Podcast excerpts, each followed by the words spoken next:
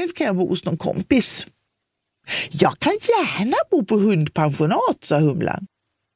Hon älskade djur, alla slags djur och kom jämt hem med tändsticksaskar med små kryp som hon försökte dressera att göra konster. Hon hade lyckats lära upp en spindel att klättra upp för en tråd en gång, trodde hon. Fast sen råkade hon sätta sig på den och sen klättrade den inte mer. Men maten behöver ni kanske inte oroa er för, fortsatte mamman. Vill ni veta en hemlighet? Bägge flickorna suckade. När mamma använde den där fjäskiga rösten brukade det betyda att hon tänkte köra över dem, för hon visste ju vad som var bäst för dem, tyckte hon. Ni får sällskap hos moster Frida. Det skulle vara en överraskning egentligen, men jag berättade redan nu. Era kusiner kommer också dit. Kusiner, sa Julia misstänksamt. Vi brukar väl aldrig träffa kusiner?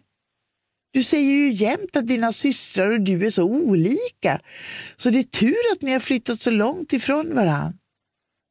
Ja, ja, ja. Vilka kusiner har vi nu då? Hon började räkna på fingrarna. Ni är fyra systrar. Du och Frida och Molly och så Ellen som bor i Frankrike. Alltså Frida har inga ungar om hon inte har ynglat av sig på senaste tiden. Snackar du om moster Mollys son? Han som vi var och hälsade på för några år sedan i Umeå.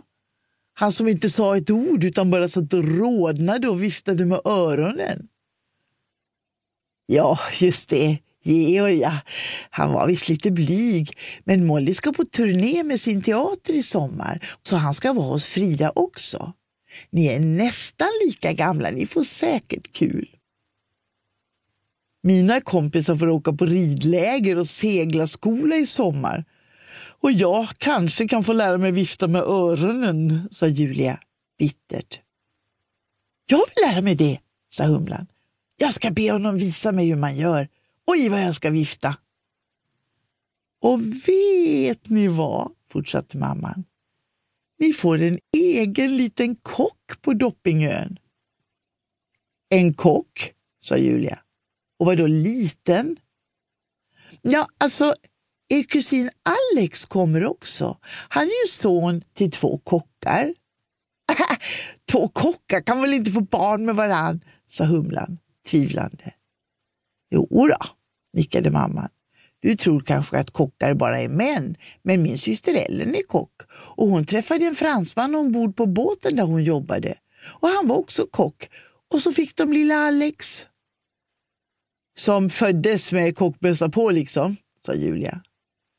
Ja, han är säkert jättebra på att laga mat och nu ska du inte vara sån Julia, vet mamman av.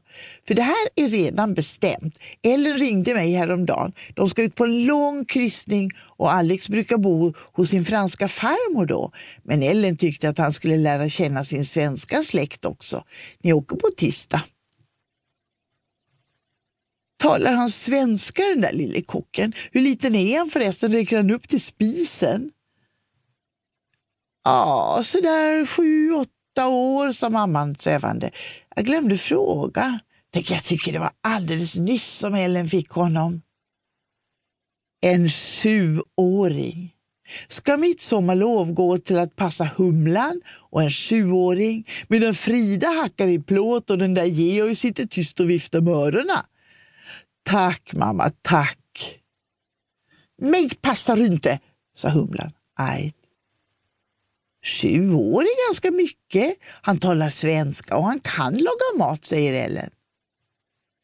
Julia fnös. Visst, han kanske kan blanda sin egen välling. Det blir säkert jag som får laga åt allihop. Nej, sa Humlan.